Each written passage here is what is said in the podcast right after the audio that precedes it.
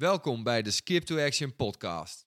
Ik ben een tijdje weg geweest, maar nu dubbel zo sterk terug. Met een mooie aflevering.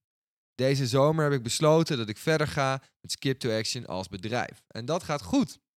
De komende tijd zou ik daarom wel diensten gaan toevoegen op de website en af en toe het een en ander toelichten in de podcast. Er moet natuurlijk wel geld verdiend worden nu. Vandaag gaan we in gesprek met Sjoerd. Sjoerd is UX'er bij Concept 7. Wat een UX'er is, leggen we uit in het interview. Super vette positie en we gaan het hebben over hoe je de klant centraal zet. Ook komen een paar mooie modellen voorbij waar je heel veel van kan leren. Veel luisterplezier. En mocht je nog iemand kennen, een collega, je moeder, je vader, wie dan ook, die de podcast absoluut moet luisteren, stuur hem dan gewoon lekker door. Je wordt bedankt.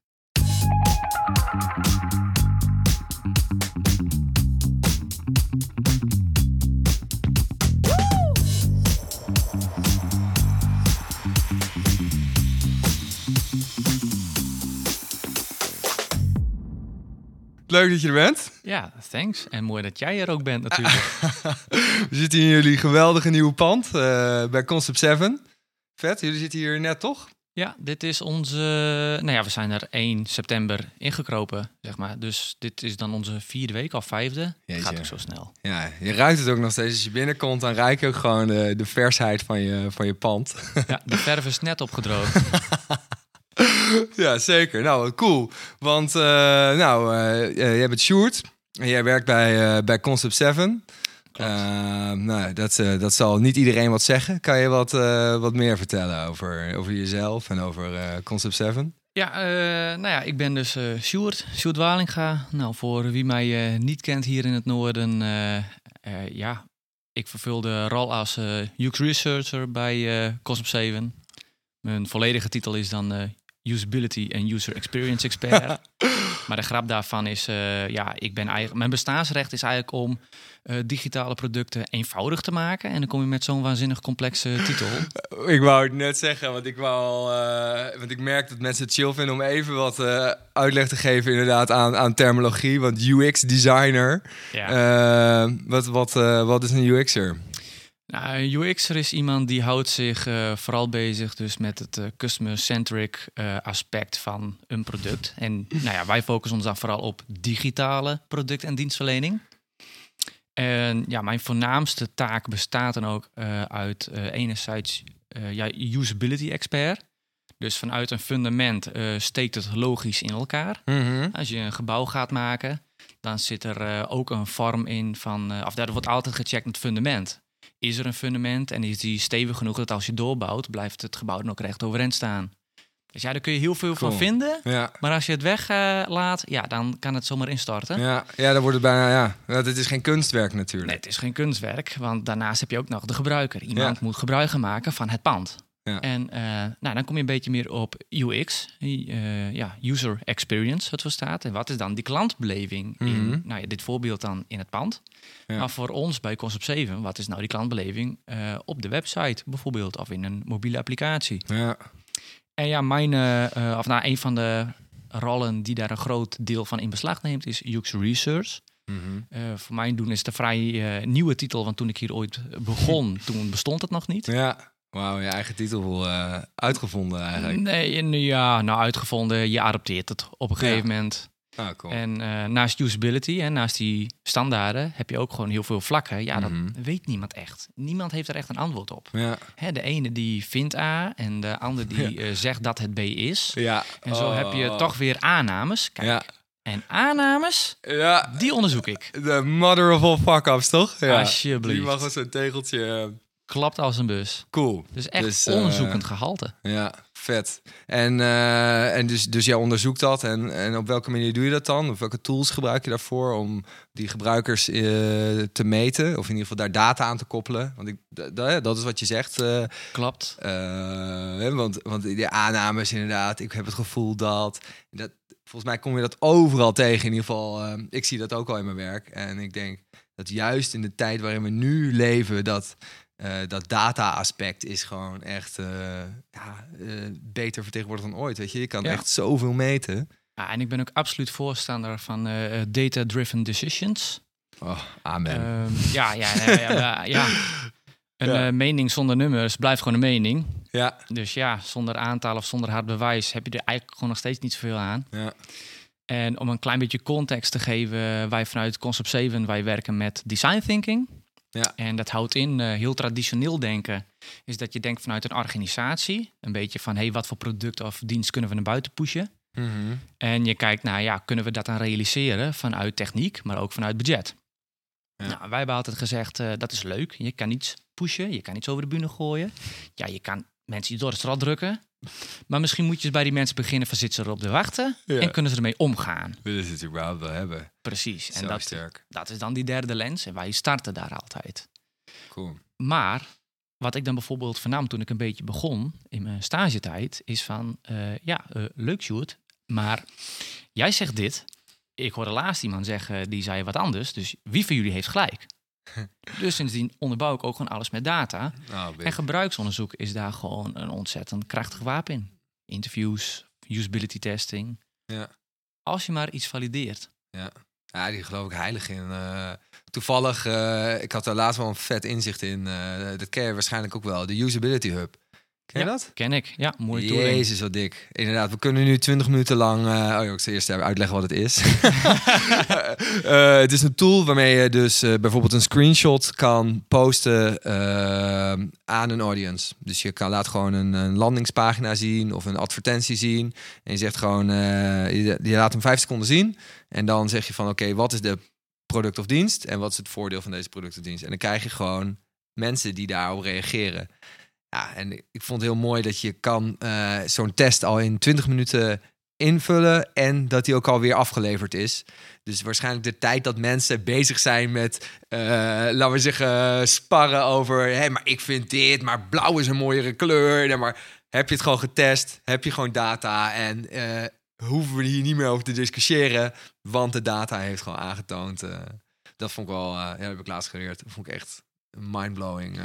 En precies wat je nu zegt, dat is dus ook wat ik heel veel tegenkwam. En ik neem het ook mee als mensen dan vragen, ja, maar wat, wat kost het nou?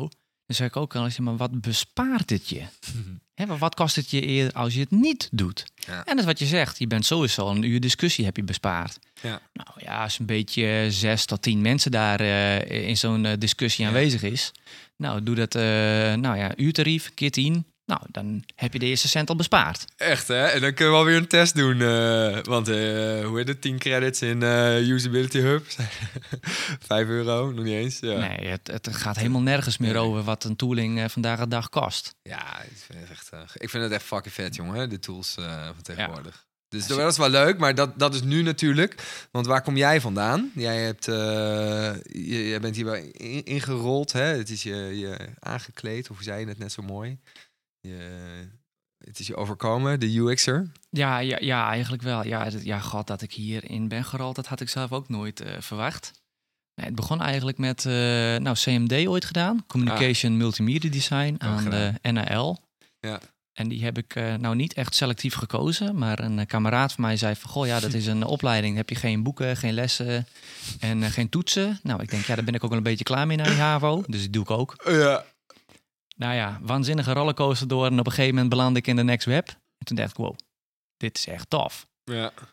Even geprogrammeerd. Even een vormgeving gedaan. Vond ik bijna niet zoveel aan, laat ik het zo zeggen. Ja. En eh, nou ja, menig mens kent hem misschien wel. Chef Smeets. Ja, ja, ja, ja. dat- Hij is nu met pensioen wel, hè, de ja, beste man. Ja, jammer man. Hij is de aanstichter van alles. Ja, hij is geniaal. Hij zit nog steeds, reageert hij dus op allemaal mensen op eh, Facebook en LinkedIn. Ja, Ja, het is echt geniaal. Fantastisch. Ja. En hij gaf een keer een college over eh, eh, interactieontwerp. En hij begon heel sterk. En ik gebruik dat nog steeds. En hij begon met dat de ene helft van de minor eigenlijk developers waren. Mhm. Met allemaal knapjes en kijk eens wat het kan. En ik heb functionaliteit toegevoegd. En Mhm. ja, wow, weet je, dat ding kon nog net niet vliegen. Ja. En een vormgever was echt typisch. Dat was dan de andere helft. Die zei van, ja, maar het is niet echt clean, hè? Het is niet echt clean, hè? ja, less Nee. is more. Ja, precies. Kunnen we Ja. niet alles schrappen? Nou, en dan heb je gewoon een ontzettende discussie van nee, dat kan niet. Ja. En chef zei, als jullie klaar zijn met de opleiding, maken jullie geen websites voor jullie zelf, maar voor anderen, voor mensen. En toen dacht ik, Ah, dit wordt mijn werk. vet. En dat heb ik daar toen gecreëerd, want iemand deed het. Ja, vet. Ja. Ja, vet. En door het persoonlijke ontwikkelingsplan, en dat je echt zelfsturend Mhm. leert, kon dat. Ja. Ja, en toen moest je stage lopen. Toen eh, kwam Concept 7 op mijn radar. Heeft me twee pogingen gekost, maar ik denk, ga daar stage lopen of nergens. Ja, Nou, en dat is gelukt. vet. Nooit weer weggegaan. Ja, wat een vet verhaal. Ja, grappig. Ja, en nu, hoeveel jaar later? ja, daar schrik ik zelf ook wel eens een beetje van. Dat is alweer acht jaar geleden. Acht jaar. Ja, ja bijna acht jaar, ja. Cool. Nou, vet. Veel gebeurt natuurlijk, want Concept 7, eh, dat zal ook niet iedereen eh, inderdaad... eh, ja, jullie doen iets, hè, met, iets met websites, maar maken jullie dan die websites ook zelf? Of test je ze alleen? Of wat is nou precies jullie propositie of jullie aanbod? Nou, wij helpen vooral eh, grote organisaties, ja, ook wel kleine organisaties Mhm. trouwens. Eh, laat ik het zo zeggen, we helpen organisaties die een sterke focus hebben op online. En dan vooral met hun strategie. En een bedrijf die een sterke focus heeft, heeft op online, dat kan eh, iemand zijn die er volledig afhankelijk van is. Bijvoorbeeld Mhm. een webshop zonder fysieke vestigingen. Maar het kan ook zijn iemand die sterk afhankelijk is voor het genereren van klanten middels de website of een mobiele applicatie of via welk Mhm. digitaal medium ook. Ja. En ehm, we houden ons vooral bezig met de voorkant. Dus echt wel het eh, neerzetten van ja, hoe zorg je er nou voor dat je eh, een mooi, strak, user-centric eh, nou ja, design hebt. En een goed werkende website. Mhm. Maar sinds kort doen we ook weer techniek. Zodat, uh, nou ja, we Zodat de backend ook eh, goed in elkaar zit. Precies, dat we dat weer wat dichter bij ons hebben. Ja, is ook wel. Eh, in ieder geval, ik heb natuurlijk heel veel met online marketing gedaan. Dan weet je ook wel dat als de achterkant eh, ook rommelig is, dan eh, ja, dat, dat gaat je ook strafpunten bij Google opleveren. Of. Bijvoorbeeld. Ja. Ja. Of bij je gebruiker, wat we veel erger vinden. ja, ja, inderdaad. dat zou je vast wel weten. Nou, hoeveel seconden klikken mensen al weg? Of wanneer, waar was die threshold ook alweer? Ja, nee, die threshold is wel lichtelijk taboe natuurlijk. Omdat we een hele andere tijd nu wel wat tegemoet gaan. Eh, maar vast maar binnen twee seconden is eigenlijk de beslissing al eh, gemaakt. Ja, als het een goede of een. eh, of we gaan we wegklikken. Ja, absoluut. Maar ik betrap mezelf er ook wel op hoor. Als een website sloom laat, dan ben ik echt wel heel snel klaar. Dan. Ja. En het is eigenlijk Ja. ook allemaal een beetje... we houden ons zelf deels voor de gek. Want je hebt bijvoorbeeld, als je kijkt naar eh, ehm, eh, de... fir- eh, hoe- God, hoe heet dat ook weer? Nou, je hebt een moment, zeg maar, eh, Mhm. first second to paint, of zo heet dat, geloof ik. Zeg maar, het eerste moment dat er iets visueels verschijnt, en Ja. ook al is het een soort dummy-afbeelding, Ja. dat is zeg maar waar wij die tijd op gaan, eh, gaan vastzetten. Ah. Dus ja, Google spreekt er dan ook van. Hè. Dit is zeg maar het eerste lakje verf wat je neerzet. Dat is eigenlijk de trigger van waar je denkt van oké, er gebeurt nu iets. Ja. En daarna kun je dat heel gelaagd opbouwen. Maar dat is wel wat je wil, toch? Dat zie je bij Facebook ook. Dat ze eerst een grijs vierkantje hebben met grijze balkjes, wat dan tekst moet voorstellen. Want dan weet je dat er wat gebeurt. Want als Ja. het gewoon wit is en it's gone. Oké, doei. Ja, nee, echt. Maar dat, Ja. dat is dan zeg maar alle- alleen maar het visuele aspect. Mhm. Maar dat is misschien ook wel een mooie toevoeging. Vanuit mijn vak heb ik natuurlijk heel veel te maken met eh, de usability zoals je die hard zou kunnen maken. Mhm. En Dus je hebt zeg maar een soort eh, van werkelijke eh, prestatie, Ja. de real performance. En dat houdt in, iemand kan een taak doen, ja of nee. Weet je, die is gewoon heel hard te maken. Mhm. Maar je hebt ook nog zoiets als de perceived performance. Hmm, wat is dat dan? Nou, de, de waargenomen prestatie is wat iemand ervan Oh. vindt. Dus het kan uit de nummers wel blijken dat iets goed is of goed presteert. Maar de ervaring telt ook. Ja, minstens net zo zwaar misschien wel. Als niet zwaarder. Want als, iemand, als het volgens de cijfers heel goed is, maar mijn ervaring is echt super kut, dan ga ik alsnog weg. Alsjeblieft, dat is hem. Denk ik, ja, toch? Ja, ja, nee, dat klopt. Want die ervaring, ja, dat, Kijk, de snelheid van je website, dat is een mooi voorbeeld ervan. Mhm. Want uit jouw, eh, hè, als je, stel je haalt hem door de Google Performance, door Google Lighthouse, ja. dan kan eruit komen dat je website laat in 2,3 seconden. ja. Maar Ja, mensen groen, kunnen... streepje. dus oh nee, dat- 2,3 seconden eh, is vet rood. Ah, maar op, op zich, als je een grote logge website hebt, zou dat niet gek zijn. nee. Maar ja, dan kun je misschien wel een streven hebben om hem naar 1,9 te brengen. Mm. Maar je kunt ook eens eh, kijken naar van, ja, hoe ervaren mensen dat dan? Ja, En- dat vinden ze natuurlijk wel wel erg. Ja, want misschien, ook al is die 2,3 seconden en zegt de theorie van, nou ja, hè, dan verlies je mensen.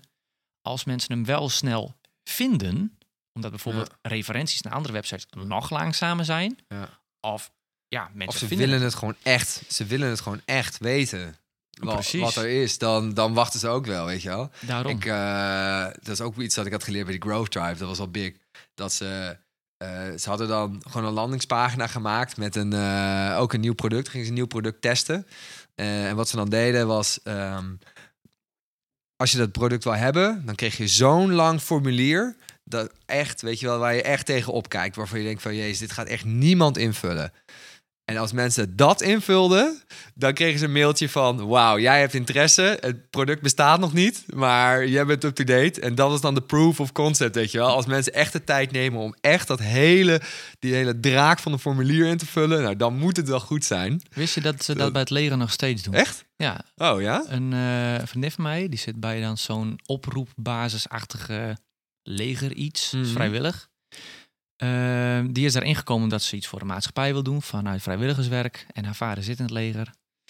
En eh, nou ja, die had het dus al voorbereid van eh, wees op je hoede, want je krijgt echt een bul papier. En het, is niet, het gaat hen op zich niet om het invullen, maar als je hier doorheen gaat, dan zegt het iets over je motivatie. Dan wil je, Dan wil dan je. wil je erin. Precies. Geniaal. En weet je wat de theorie erachter is? Nou, Heb je alles gehoord van BJ Fogg?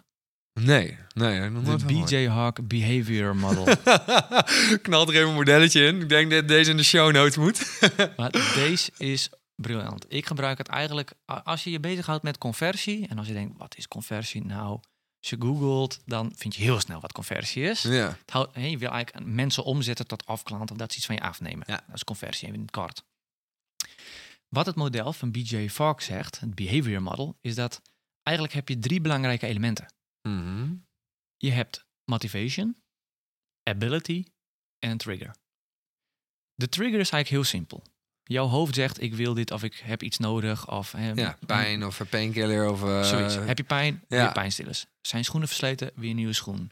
Heeft iemand anders je auto in de kreukels gereden? Ja, super lullig. In die end weer een nieuwe auto. ja.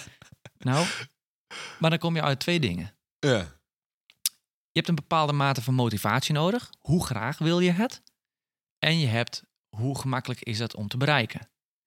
Nou, als het gigantisch complex is om te bereiken, dus het is heel lastig in gebruik. Mhm. En je hebt er geen motivatie voor. Ja, never gonna happen. Nee, precies, gaat nog Ja. gebeuren. Tegenovergestelde, als je iets heel graag wilt en het is zo gigantisch gemakkelijk, dan doe je het. Ja, zonder over na te denken. Een mooi voorbeeld is, stel, we blijven mannen, hè? Ja. Je hebt zin in bier. Oké. Altijd zin in je bier. wil- je vrouwen, nat- vrouwen natuurlijk niet uitsluiten, dus stel je hebt zin in wijn. ja, ja. Ehm, dan kunnen zich een aantal scenario's voordoen. Mhm. Bijvoorbeeld, je hebt er geen zin in. Je hebt geen zin in bier. Nee. Maar die koelkast staat naast, gewoon echt hier, zo naast je stoel. Oh ja, of, eh, ja, dus je kan gewoon ma- heel makkelijk een biertje pakken. Je Precies. kan heel, ja. Ook al heb je er geen zin in, je hebt er wel eerder zin in, omdat het zo gemakkelijk is. Ja. Maar je hebt je er geen zin in en die koelkast is ook nog gewoon 10 meter lopen. Dan denk je van, ah, hoeft niet. Dan, eh, Maar andersom kan ook dat je denkt van, oh jongen, ik, ik, ik heb echt al een maand geen bier gehad. Ik wil er wel een kilometer voor lopen. Ja, ik heb zo lang niet gedronken. Dus nu. eh, ik heb ook wel eens gelezen dat als je eh, popcorn eet in de, in de bioscoop. en je geeft dus mensen gewoon een 40, eh, 40% grotere bak. Dat ze vreten ze die popcorn ook gewoon op. Weet je wel? Dat maakt helemaal niet uit. Want de, de omvang van. ze eten gewoon door. Maar misschien dat het eigenlijk, eigenlijk om hetzelfde wat je nu zegt. Van. eh, eh, ja, het is heel makkelijk om gewoon door te eten. In een soort. eh, Ja, soms Ritme. maak je dingen gewoon te makkelijk. Ja. En online dus net zo. ja. Je kunt twee dingen doen. Je maakt iets afgemakkelijker.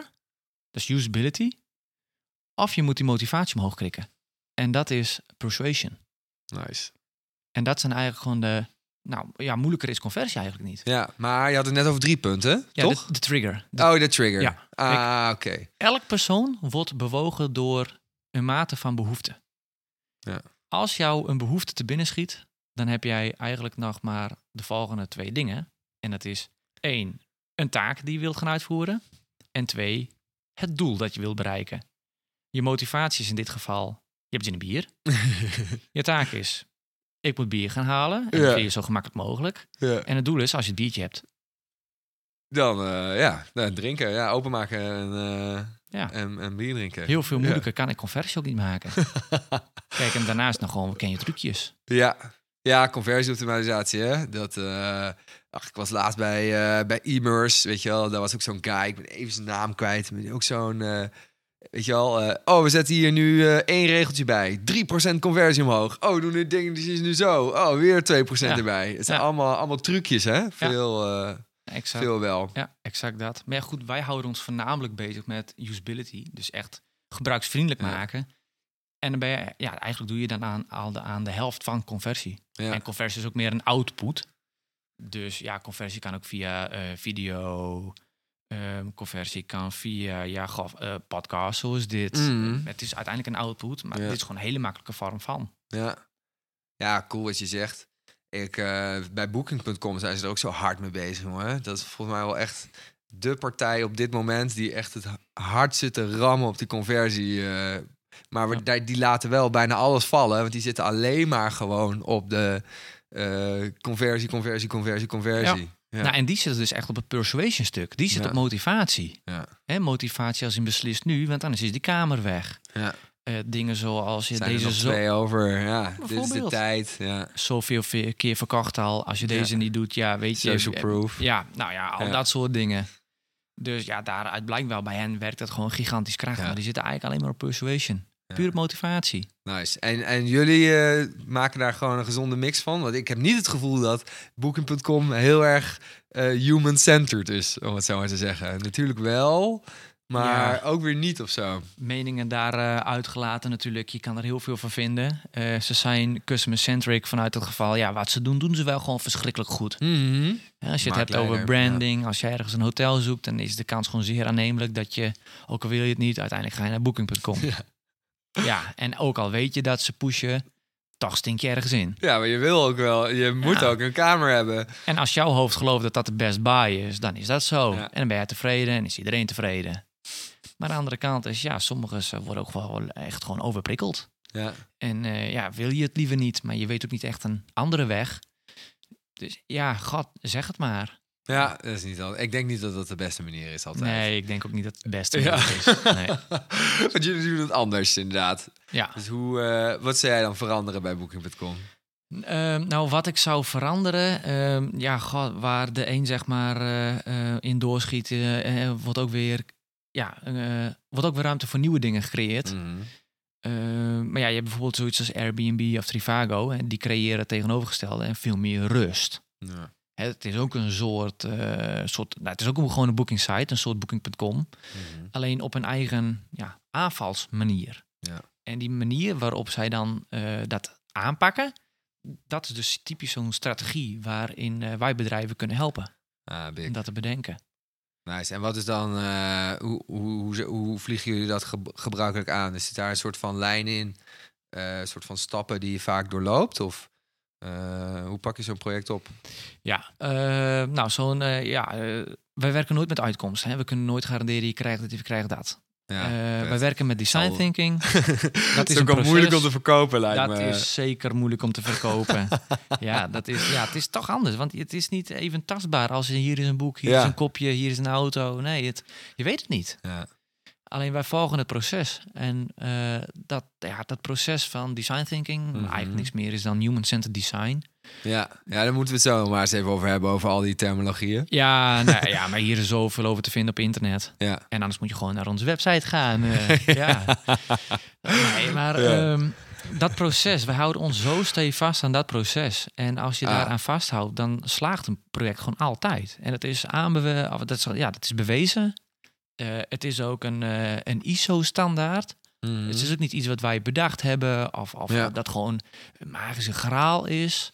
Nee, het is gewoon echt een, een, een werkelijk bewezen model. Ja. En wat je dus doet, is je volgt er in een aantal stappen. En het, de, de, ja, de eerste fase bestaat uit eh, het probleem vinden. En de tweede fase uit het probleem oplossen. En om een probleem te vinden doe je dingen zoals een customer journey, eh, persona's. En Ja, je gaat echt klantenreis van persona, inderdaad. ja, je gaat echt kijken eh, wie ben ik als bedrijf? Hè? Wat is mijn missie? Mhm. Wat is mijn visie? Wat zijn de bedrijfsdoelstellingen? Ehm, Je gaat het ook hebben over van, eh, ja, goh, waar je dan bijvoorbeeld over vijf jaar staan? Of Ja. over tien jaar, twintig, noem maar op. Dit vind ik al zo vet, jongen. Ik kan, ja, oké, sorry verder. Ik, ik, eh, Ja. ja. dat komt. Ik, ik, kwam wel eens klanten tegen en die, eh, dan zeg ik, eh, wat, wat gaan we vertellen? En dan zeggen ze, eh, ja, we, we- weet ik niet, we moeten gewoon advertenties draaien. En dan eh, zeg ik, yo, wat, wat gaan we vertellen? Ja, wie is de doelgroep? Ja, weet ik eigenlijk ook niet. Nou, ik zeg, yo, hier eh, kan je naar een partner toe. Kan je voor, eh, nou, wat is het, voor, eh, voor anderhalf eh, kan je gewoon eh, die missie-visie eh, helder krijgen. En dan zeggen ze, ja, maar Skip, hé, eh, gast, eh, wat krijg ik nou eigenlijk? Weet je wel? En dan zat ik daar aan te... Aan te het, is, het is wel grappig. Het lijkt me heel leuk eh, om inderdaad vanaf daar te beginnen. Maar sorry, ik lul dwars door je heen. Eh, Nee, dat, verder, dat ja. geeft niet, want wat je zegt is geheel terecht. Ja. Eh, en dat is eigenlijk ook een beetje waar je meer spreekt van de uitkomst. Eh, maar Maar wij- dan zit je weer met het kopje, weet je wel? Ja, Van, hier, ja. dit is wat je krijgt. Maar missie-visie... Nou, Ja. Ik had het met Liedeke Pol, heb ik ook een keer... oh, eh. Ja, leuk. een podcast Oh, opgenomen. Ja. Dat was ook heel gezellig. Is ook Ja, zo, fantastisch, Ja, ja. sowieso een leuk, eh leuk chick. Ja. Maar inderdaad, ja, missievisie. ja, ik vind het heel leuk om te doen. Nou, en de grap is, je kan namelijk, nou laat ik het zo zeggen. Ehm, we kijken dus eerst dat, dat bedrijf. Hè. Mhm. Wie ben je, waarom besta je en waarom doe je wat je doet? Want je wil uiteindelijk naar eh, jouw onderscheidende factor in de markt, Mhm. hè, je waardepropositie. Yes. Maar wij noemen dat dan een product market fit. Je wil ook weten van dat wat jij zeg maar, waarvoor jij bestaat en wat jij levert. Jij eh, wil ook weten, zitten mensen hierop te wachten? Ja. En als jij iets biedt waar een markt op zit te wachten, dan heb je een product market fit. Dan weer nog een onderscheidende factor. Want misschien zijn er meer bedrijven die het doen. Ja. Alleen, ja, de vraag is, weten ze wat ze doen? Dus je gaat kijken, voor wie doen wij dit? Dus dat zijn meer de persona's. En ja, welke klantreis hebben zij? Mhm. Die customer journey. En als je die drie op orde weet, dan heb je eigenlijk gewoon wel een beetje de kerningrediënt. En dan weet je dus ook precies het probleem. Ja. En de grap daarvan is van als er uiteindelijk, stel er komt uit dat jij voornamelijk een oplossing hebt voor 65-plussers. Mhm. Dan zou je kunnen zeggen, hey, die zitten waarschijnlijk niet op Facebook. Dus nu doe ik vanuit aannamebasis. Ja. Eh, dus zou ik kunnen adviseren van, hey, het is helemaal niet logisch om op Facebook te gaan adviseren, want onze doelgroep is 65 plus. Ja. Maar wat als ik je zou zeggen dat dit vergelijkbaar is met een case die wij kennen, Oh ja? en dat blijkt dat, ook al is het voor 65-plussers, in ons geval bleek dat de kinderen daarvan voornamelijk alles doen voor de ouders. Oh, weer. Dus wie is ineens je doelgroep? Ja. De doelgroep, de afnemende doelgroep, is 65 plus, maar de uitzoekende doelgroep is 35 plus. Kijk, daar, die zijn al beter eh, vertegenwoordigd op Facebook. En dan verander je marketingkanalen. Ja. Ja, dus- en dan weet je ook echt inderdaad wie, wie dat persoon is. Eh, heb je daar echt onderzoek naar gedaan? Want anders was je hier nooit achter gekomen. Nee, En wat, is, wa- wat Ja. kost marketing dan ineens? Ja. Nou ja, als het goed aansluit, als het iets is wat mensen willen, eh, dan wordt eh, dan heb je natuurlijk, eh, dan gaat de prijs ook altijd naar beneden. Dan wordt je Ja. relevanter. Nou, Facebook beloont dat. Ja. Maar dat doet Google ook allemaal. Maar wij hadden in dit geval, als we op die 65-plussers waren blijven hangen, hadden we ook Mhm. kunnen zeggen, nou, we gaan in kranten blijven adverteren. Oh ja. Nou, dat is dan leuk, maar ja, goed. Ja, je, je kan het niet meten. Nee. En toen bleek dat een jongere doelgroep te maken hadden. Yes, data. Nou, dan kun je snel naar online toe. En dat is makkelijk het meten. Ja. En dan kun je gewoon veel beter ook kijken van wat is, eh, wat is je return on investment. ja. En je pompt er geld in, maar wat krijg je terug? Het funnel, ja. Nou, precies. Dus eh, ja, dat is ook altijd zo mooi. Ja, ik vind het wel mooi wat je zegt inderdaad met die product market fit. Eh, dat hoor je natuurlijk ook heel erg bij dat growth hacken, hoor je dat ook weer terug. Je hoort het overal. Eh, maar het is ook belangrijk. Ik ja. bedoel, als jij iets genereert waar mensen niet op zitten te wachten, ja, wie, wie Ja. heb je dan? Ja, en dan, maar dan toch, want dat heb je dus ook, maar dan toch die stap maken van, ja, oké, eh, weet nog niet zeker of mijn product goed is, maar we gaan gewoon eh, rammen. Ja. Dan heb je, stel je hebt heel veel exposure, maar niemand koopt.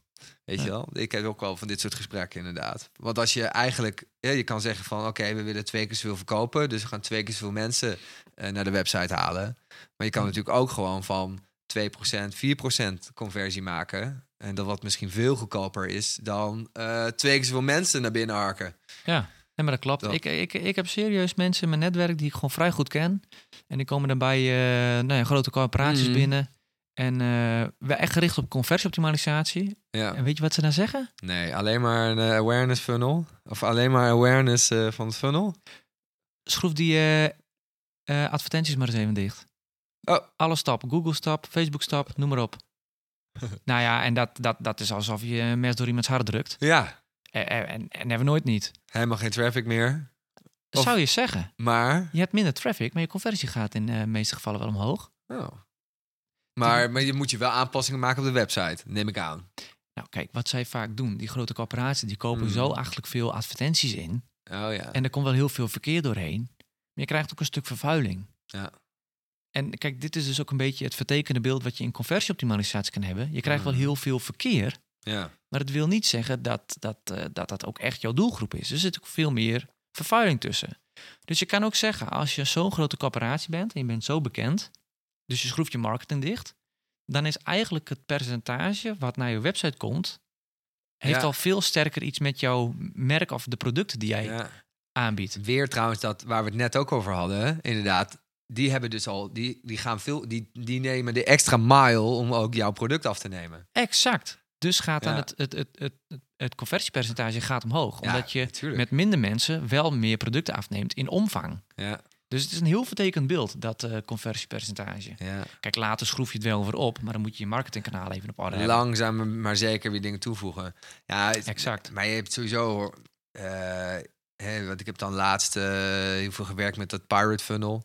En ik vind dan, eh, wat ik wel heel mooi vond, is dat iedereen denkt inderdaad van ja, je moet natuurlijk daarbovenin in het funnel zit iedereen te kutten. Ja. Eh, maar stel je voor, je kan ook nog eh, aan de onderkant van je gebruikers kan je een soort van referral link of je kan iets doen om jouw gebruikers te motiveren om iemand anders binnen te halen. Ja. Kan het soms gewoon gratis eigenlijk. Klopt. Weet je wel? Ik, Ja. ik vind Dropbox altijd, ja, iedereen kent natuurlijk dat voorbeeld, maar voor, voor eh, om, om, om maar even te schetsen, vond ik wel heel sterk. Zij gaven op een gegeven moment 250 MB gratis weg.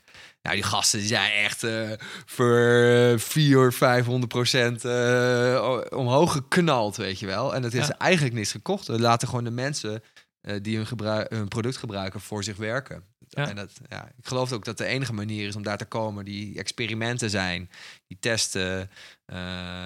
Want dat, dat neem ik aan, dat doen jullie dus ook. Je hebt natuurlijk die twee fases. Dus je hebt nu dat, ehm, je hebt het bedrijf geanalyseerd. Ja. Je weet wie, eh, wat, wie wat ze doen.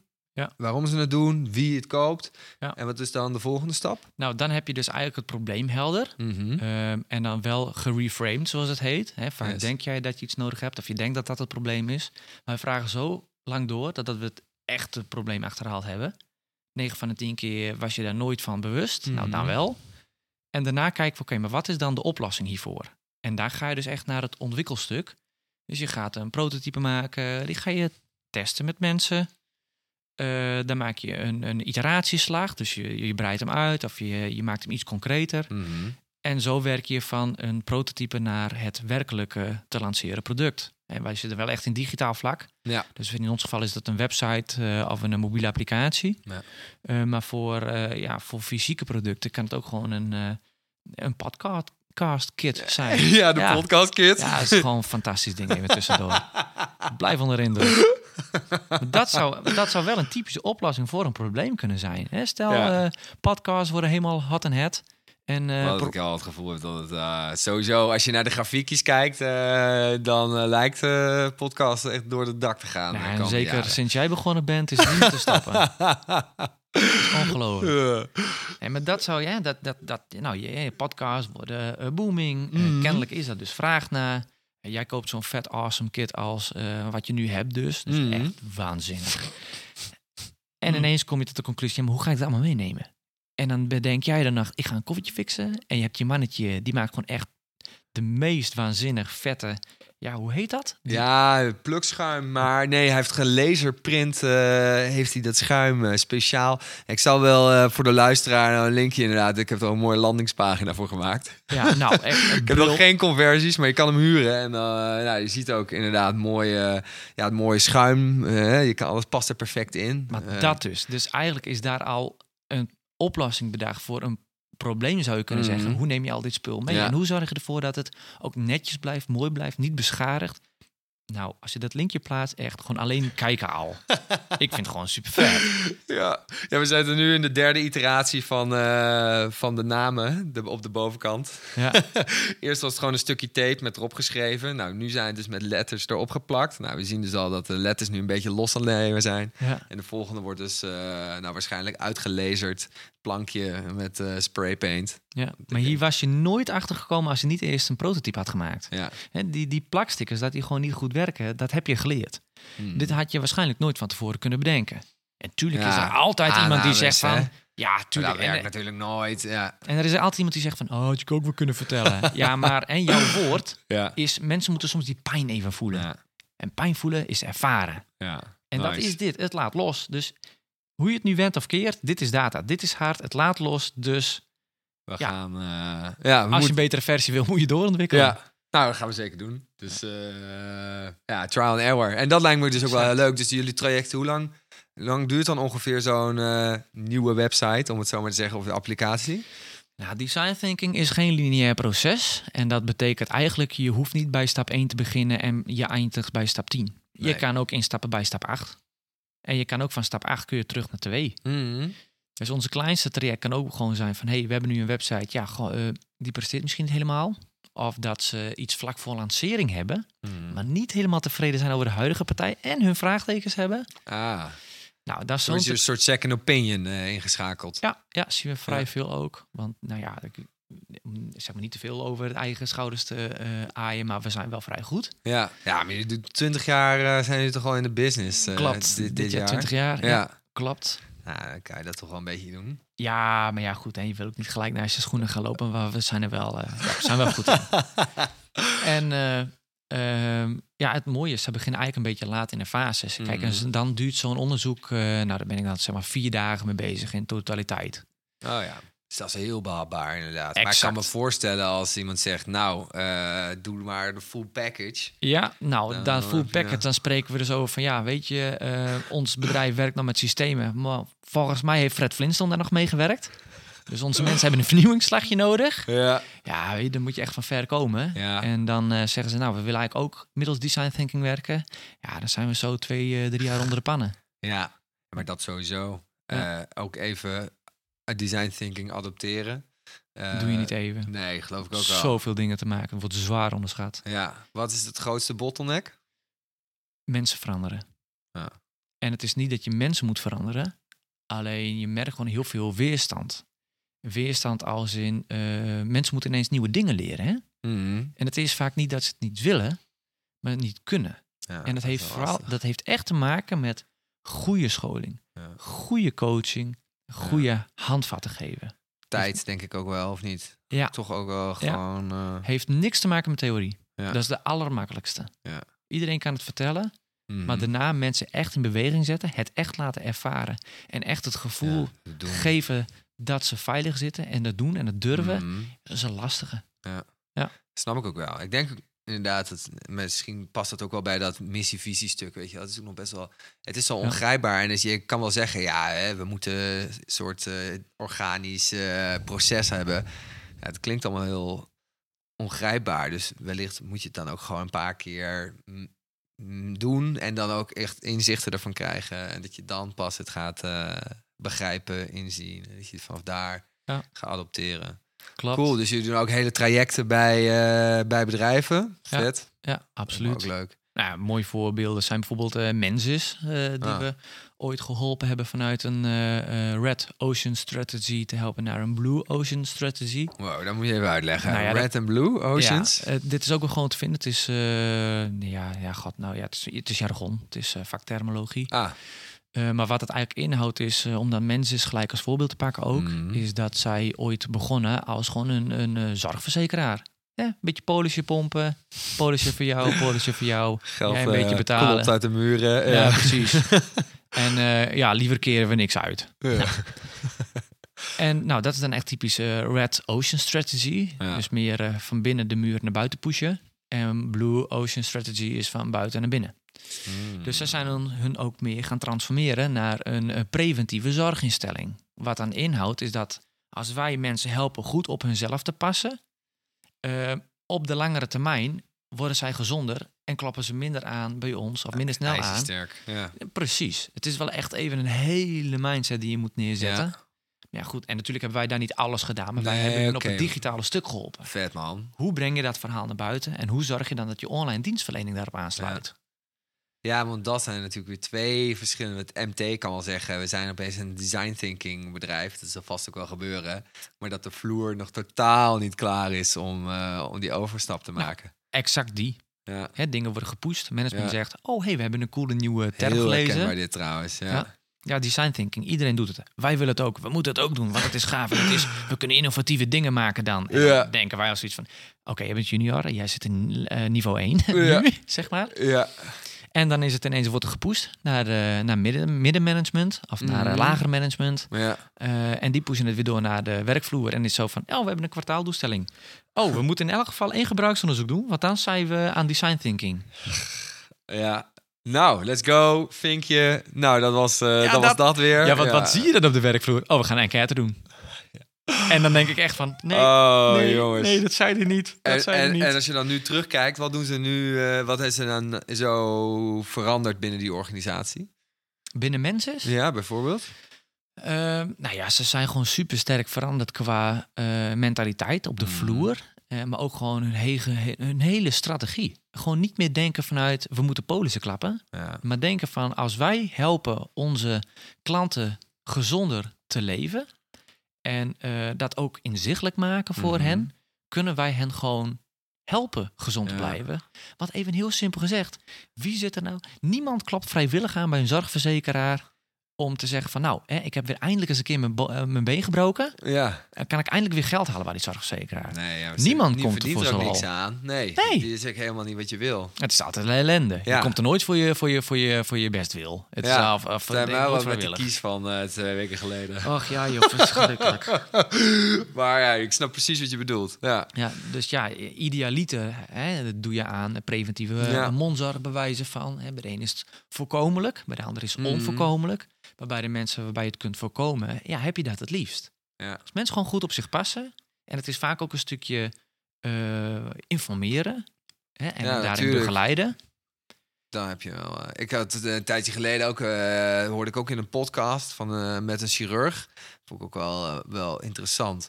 Eh, die zag, laat maar zeggen, je ziet heel erg een trend in maag, eh, maagbandjes. Hm. Eh, vroeger was het heel erg infecties. Ja. Groot probleem. Nou, dat is, dat is een beetje verholpen. Daarna werd het kanker. Nou, dat is, daar zijn ze Oh. nu ook steeds beter in. En nu krijg je een soort welzi- welvaartsziekte.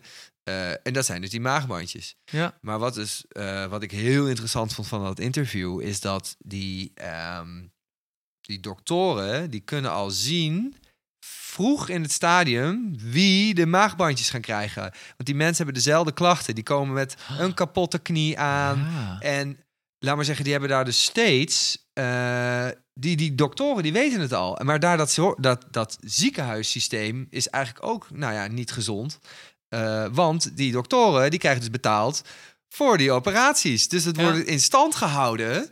Eh, terwijl als je daar dus preventief, want die mensen, daar zit natuurlijk een grondslag onder waarom mensen dus eten. Dat is altijd, of nou ja, altijd wil ik niet zeggen, maar heel vaak zit daar iets van, ehm, ja, daar, daar, daar in persoonlijk leven wat niet goed zit, waardoor ze gewoon gefrustreerd te veel eten. Weet Ja. je wel? Want ja, dat, dat is gewoon, dat is, dat is, dat is heel herkenbaar. Dus stel je zou daar al gaan personal coachen, trainen en die mensen helpen, dan kon je Hm. dus eigenlijk die maagbandjes aan het einde eh, Ja. voorkomen. Eigenlijk wel. Eigenlijk ook een stukje preventie. Hè? Hoe Ja. zorg je ervoor dat je mensen goed informeert? Ja, Ehm, dat op het moment dat ze een bepaald patroon zouden aanpassen, wat dat voor impact heeft. Maar het lastige daarin is dus wel dat je die, als die mensen bereid zijn om Mhm. dat te doen, als ze denken van oké, ja, ik, ik snap de impact, het daarna veranderen, Ja. Dat is ontzettend Ja. lastig voor een wezen. Een beetje, ik heb zelf nooit gerookt, maar als ik een beetje roker Ik, mag eh, geloven, Ja, ik wel. Ik, eh, Ben je me- gestopt? ja, ja, ik ben gestopt. hoe was dat? Ik heb nog, eh, nou, leuke vraag. Ik heb er nog steeds last van. Ik heb maar, ik heb wel vanaf mijn vijftiende tot mijn, ja, echt wel 22 of zo gerookt. Echt zeven jaar of zo heb ik gerookt. Dus het zat er goed in. Ja? Eh, en nu, eh, nou, het is het al twee, drie jaar al niet meer.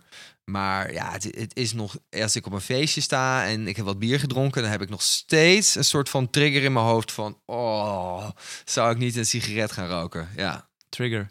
Ja die Fog behavior model. Als Ja. het te makkelijk wordt, iemand biedt het je aan en hij staat bij wijze van al Nou, aan en het zit zo'n beetje bij je mond, dan Ja. zeg dan maar eens nee. Ja, nou, dat is echt wel. eh dat, daar moet je hard voor werken. En zeker Precies. in het eerste jaar, je bent elke dag moet je daar soort van.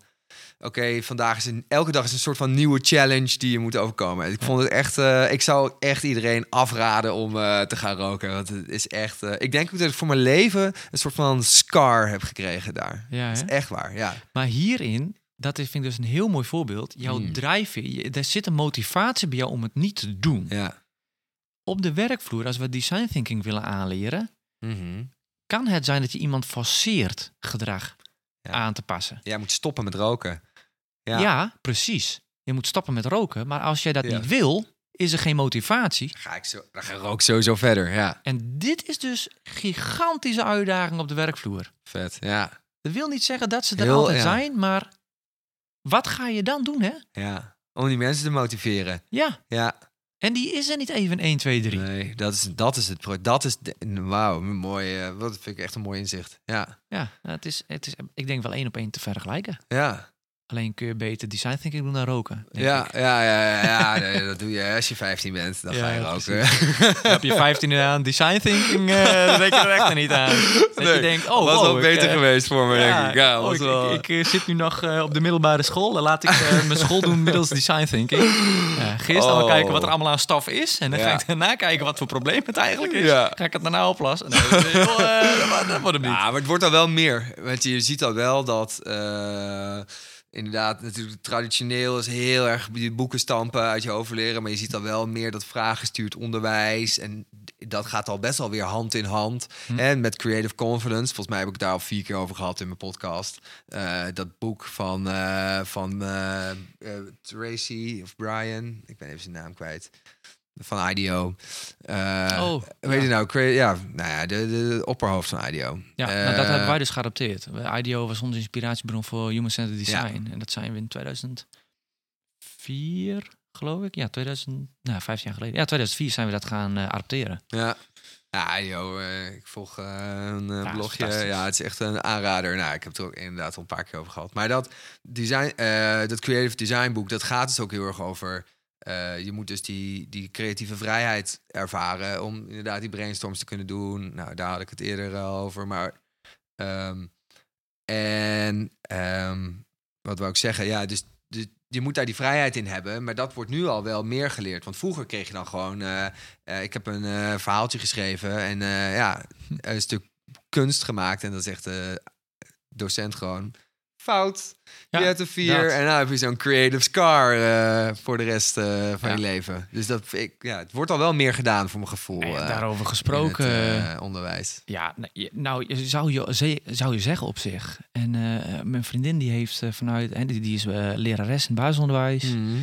En vanuit de scholengemeenschap waar ze nu werkzaam is, kregen ze de mogelijkheid om opgeleid te worden tot taalcoördinator. Nou, hartstikke leuk. Je hebt al een baan, je hebt al een diploma, noem allemaal maar op. Eh, Je staat voor de klas, krijg deze mogelijkheid. Dus dan zeg je nou doen. Let's go. Nou, dus eh beland eh, weer op de Hanze. En nou, taalbeleidsplan en weet ik veel wat ze allemaal wel niet heeft moeten doen. En nou, toen was het zover dat ze geassessed werd. hè, Assessment, toetsing. Mhm. En ja, ze vonden dat ze niet geslaagd was. Dat, nou ja, Huh? Maar hadden ze dat wel goed onderbouwd dan? Of eh, zei ze gewoon... hier komt ie. Nee. En naar haar verhaal dan, een van die mensen die heeft de Mhm. pik op haar. Want die had ze ook al toen ze nog gewoon de pabo deed. Ja, Ehm, en ja, god, nou, je bent zo'n beetje, nou ja, de halve gemeente, of de gemeentelijke school. Nou ja, is het overdreven misschien, maar in elk geval haar directeur en gewoon Mhm. mensen met wie ze nauw samenwerkt. Ehm, die vond het heel vreemd. En de grap was, ze is ook gestraft op dingen die helemaal niet van haar, eh eh, vandaan, of die niet bij haar vandaan komen. Ze bedacht heeft, maar is gewoon de visie van die school al jarenlang. Maar is dan ineens niet goed.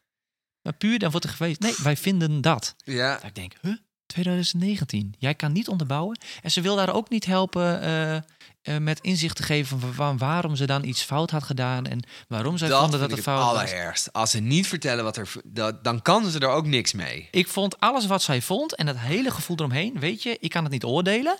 Maar dat ze Oh. dit zei en dat, dat ze ook echt serieus niet haar wilde uitleggen wat precies fout was. En waarom dat fout was, toen brak mijn klomp. Toen Ja, dacht ik van, maar dat wat? mag je ook niet doen. Dat, dat Kan ja, toch niet? is echt... Nou ja, ja. Maar misschien zijn wij ook wel heel erg be- bevoordeeld met eh, communicatie en multimedia design. Misschien Daar is het wel. gewoon wat meer, eh, meer ik, geadopteerd. ja, maar dan denk ik, je leert toch, daar leer je Ja. toch van. Ja. Als je iets fout doet. En je ja. zit daar toch ook om te leren. Dus Nou, al, toch? ja, Ja, heel, raar. Heel raar. Heetje. Ehm, wat ik nog wel een interessant stuk vond, want we hebben natuurlijk ehm, human-centered design, we hebben design thinking, we hebben agile werken, we hebben scrum, we hebben growth hacking. Eh, nou, ik weet niet of jij nog eh, eentje voor onze, eh, voor onze bullshit bingo kan toevoegen. Mij heb ik De ze al. bullshit bingo. Heb ik ze, heb ik ze allemaal? Nou ja, je zit heel goed in de weg. Oh, inclusive design. nog eentje. Nou ja, maar even, ja, wat ik daarvan vind, sowieso even vooropgesteld, hou je Mhm. bezig met inclusive design, ben je gewoon bijvoorbeeld al een held, eh, verdien je een pluim, want hè, je bent eindelijk iemand die zich ook inzet voor mensen met een beperking. Ah, Maar ja, ik noem het aan mijn tijd, en zo lang geleden is dat nog niet, heet dat gewoon accessibility. En ik vind, ik vind het gewoon een essentieel onderdeel in het hele fundament van je gebouw. Je gaat Ja. toch ook niet een, eh, een eh, bejaarde uit een huis maken met vol met drempels? Nee, Nee, ja, oh ja, dat bedoel je met accessibility. Ja, en nou ja, een website Dat ook. het, Die eh, ga je toch niet vol rammen met code dat eh, iemand die slecht eh, zicht heeft, dat hij Ja. helemaal niet door een website Oh, kan. mooi. Dus ook zwart-wit en dat het makkelijk voorgelezen kan worden en dat Ja, soort dingen. Ja, ik vind, ik vind het eigenlijk gewoon een, een basis eh, Ja. onderdeel van je website. Hoort gewoon in. Ja, nou ja, maar mooi. Nou, in ieder geval dan hebben we die, die, die zes punten. En wat, wat mij dus heel erg opvalt, is dus bij, bij al deze eh, methodieken. En eh, ik zeg wel bullshit bingo, maar ik geloof heilig in al deze methodieken. Maar wat je heel erg mooi ziet, is dat daar zit inderdaad die rode draad in van eh, die gebruiker centraal zetten. Ja. En ik denk dat dat misschien nog wel heel interessant is om het nog eens over te hebben. Van hoe zet je die nou zo, ehm, zo centraal? En ja, weet je wel, waar hebben al die methode, methodieken overlap? Super simpel. Ik had het over design thinking. Hè? Mhm. Ik zeg nu double diamond. Kun je gewoon googlen. Ja, Design thinking bestaat eigenlijk uit twee diamanten. Eerste diamant is probleem vinden. Tweede diamant is probleem oplossen. In die tweede diamant, het probleem oplossen, Ja. daar hanteer je agile, scrum of welke methodiek je ook prettig vindt. ja. Ja het zijn eigenlijk twee trechters, hè? Die, Ja. die, die diamonds, zo Ja. kan je ze ook zien. Eh Kijk, convergeren, Ja. divergeren, convergeren, divergeren. Agile werk in die eerste diamant, om het zo maar even te noemen. Ja, Mhm. nou ja, eh, ja, misschien lukt het je, maar eh, dat is een bijzondere manier dan mogelijk. Ja, lean trouwens. Ja, dat kan wel weer. Lean is er nog, nog eentje die je eraan toe kunnen voegen, Ja. weet je wel. Maar daar heb je diezelfde, inderdaad, die, waar we moeten op zoek naar die product market fit. En let's go. En daarom hecht ik zoveel waarde aan design thinking, want eigenlijk komt alles daar weer zo'n beetje uit. dus dat, dat, is, dat is wel, is dat is de eerste geweest, ja. Ja. Of eigenlijk, dat is waar het, waar het vandaan komt. eh, Klopt. ja. ja, ik denk ook dat bijvoorbeeld de growth hacker, daar zit ik nu natuurlijk helemaal in. Ehm, dat is eigenlijk weer eens een tak voor, voor groeien, voor groei realiseren voor een organisatie. En Ja. dan voornamelijk met data en wel op het onvla- online vlak hoor. Want eh, Het is makkelijker meetbaar. ja, ja, je kan, en dat vond ik ook zo mooi. eh, eh, we hadden het net ook al even gehad over dat pirate funnel. Dat je gewoon per onderdeel van het funnel, dus awareness, eh, activation, ehm, ik zou hem even bij moeten pakken, eh, retention. Nou ja, je hebt in ieder geval Ja. zes dingen, maar dat je daar elke kijkt van oké, wat is de actie en wat is de metric? Wat is Ja. de one metric waar we op gaan sturen? Klopt. En wat is de... Ik, Ja. zeg, ik zeg ook altijd, want ehm, naast dat ik bij Cross op 7 werk, ben ik ook eh, docent eh, conversion eh optimization. Oh, dat wist ik helemaal niet. Ja, nee, Wat ik, vet. Ik ben nog docent op het Bekenstein Business School. Oh, vet. Dus echt voor managers geef ik daar les. Van, van ja, Talpa tot, God, wat heb je allemaal voor grote bedrijven? Vet, Achmea. Oh, dat is ook wel een eh, goede, eh, mag zeker niet zeggen, lead eh, generator. Nou, niet per se, maar ik vind het vooral gaaf om te doen. ja. En het helpt me de materie te begrijpen en vooral heel makkelijk uit te leggen. ja. Maar ja, de, nou, docent dus eh, aan de Bekenstein Business School. Voor Vet, wie het man. nog niet kent. Nou, het is een hele prominent aangeschreven Mhm. opleider. En eh, dan geef ik dus onder andere conversieoptimalisatie, maar ook user experience en usability. Mhm. En wat ik eigenlijk, altijd zeg, en met hun Mhm. oefen ook, Ja. is stel je eh, doelstellingen vast. Zorg dat je de KPI's op orde hebt. Dus hoe maak je het meetbaar? Ja, inderdaad. Want KPI, waar staat het voor? Key Performance Indicator. Ah, Dus dat zijn cijfertjes waaraan jij kunt zien dat je de goede kant op gaat met je prestaties. Ja. Of de verkeerde kant, maar dan heb je een dingetje. ja. Maar dan is het tenminste meetbaar. Maar dan weet je het inderdaad, Exact. hè? Nou, ja. Dan doe je acties. En dan, doordat je acties doet, eh, veranderen die jouw KPI's, jouw metrics. Mhm. En dan achteraf kun je dus reflecteren op van wat deed het. En je weet welke acties je gedaan hebt. Ja. Dus je weet je impact altijd. Nou, Dat Ja. oefen ik echt met ze. En dan kun je gewoon heel hard conversieoptimalisatie doen. ja. Meetbaar maken. ja, meetbaar maken. Nou, dat is denk ik... Volgens mij is het echt 2019, maar misschien eerder ook al wel. Maar ik merk het nu harder dan ooit. Het is nu echt data, data, data. Klopt. En eh, ik, dat vind ik ook wel heel mooi. Dat je tegenwoordig... Je hoeft ook geen eh, codeboy meer te zijn om een algoritme te gebruiken... of Nee. machine learning te adopteren. Je kan... eh, Weet je wel, er zijn zoveel tools. Nou, we hadden het net al even over tooling. Die je gewoon zo mooi helpen om uit 100.000 regels eh, data gewoon verbanden te trekken. Ja. Waar mensen die zouden daar in geen jaar doorheen komen. Maar een algoritme die doet het gewoon voor je. Klopt. En dan daar weer wat mee doen. Kijk, ik geloof dat daar heel erg de kracht zit nu. Van als je dat kan eh, inzetten voor je eigen business, jongen. Dan ben je echt eh ja, ijzersterk. Ja. Dat is eh, Ja, heel klopt. krachtig nu. Ja, meetbaar maken is echt belangrijk. Maak het meetbaar, want dan hou je jezelf niet voor de gek, hou je een ander niet voor de gek. Heb je gewoon keihard iets om aan te tonen.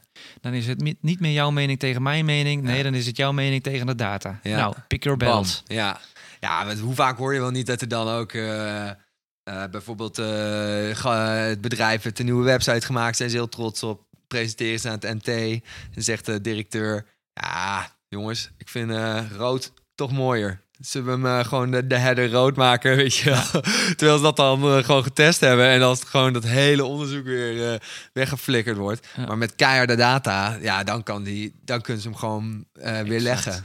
En, En het is soms toch nog wel lastig voor mensen dan, dan of ze zelf denken of dan eh, dat de meeste denken. mhm. Maar als je dat kunt, ja, nou ja, ja, ik gebruik het gewoon als het wapen. Ja, Ga er maar tegenin. Ja, Ja. succes. Ja dan moet je een eigen test doen. Het mag, maar ja, dan schiet je bij jezelf een kogel door de poot. Ja, ja sterk. Ik denk dat, daar, eh, dat we daar wel meer naartoe moeten, inderdaad. Vind ik Want, wel. eh, ja. Ja, het is sowieso hoor. Je moet er ook goed op letten als mensen zeggen van ik denk of ik heb het gevoel dat. Of eh, ja, gebaseerd waarop, weet je wel. Ja, Ja, klopt. grappig. Nou, cool man. Nou, eh, nou we hebben, ik zie, eh, ik keek net al eventjes eh, met de schuin oog naar de tijd. We zijn er alweer bijna doorheen. Eh, denk je dat ik nog iets ben vergeten om te vragen? Of iets waarvan je denkt van, nou, dat zou ik nog wel even toe willen lichten. Oeh, nou, niet dat me de direct te binnen schiet. Ja, Nee, ja. Nee, nou, eh, mooi. eh, nou, fijn. eh dankjewel voor je tijd. En dan Graag gedaan. eh, houd het hierbij. ja. Thanks, Sjoerd. ja, en jij bedankt natuurlijk voor de uitnodiging. Graag gedaan.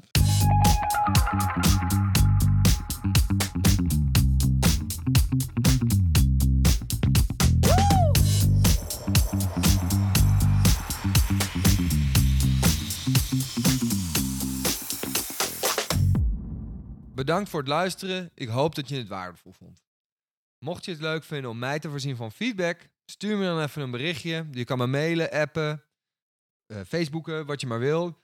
Ik heb een mooi formulier gemaakt en ik ben ontzettend benieuwd wat je ervan vindt. Want dat gaat me alleen maar helpen om een betere podcast te maken. Alvast bedankt en tot de volgende!